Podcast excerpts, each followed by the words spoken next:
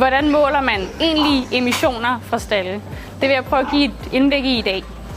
Det her setup er en stor del af vores måleudstyr, når vi måler emissioner fra stalle. I dag der er vi ude hos Skogris, hvor vi lige nu kører en afprøvning, hvor vi tester tre forskellige gyldesystemer til farestier til løsgående søer. Når vi måler emission fra en staldsektion, så kommer vi tit med en målevinge som den her. Den sætter vi på det eksisterende afkast, øh, hvor målevingen, der sidder hernede under, så bliver trukket af ventilationssystemet. Den kan lokke, hvor hurtigt ventilationssystemet kører, og dermed hvor meget luft vi sender ud af stallen.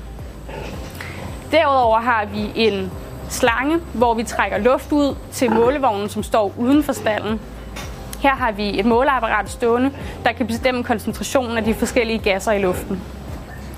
Derudover har vi en fugt- og en temperatursensor stedende, som hele tiden logger, hvad er temperaturen og fugtigheden i stallen. Og sammenholdt med viden om og registreringer af, hvilke søer, øh, hvilke dyr der er i sektionen, så kan vi bestemme emissionen fra sektionen.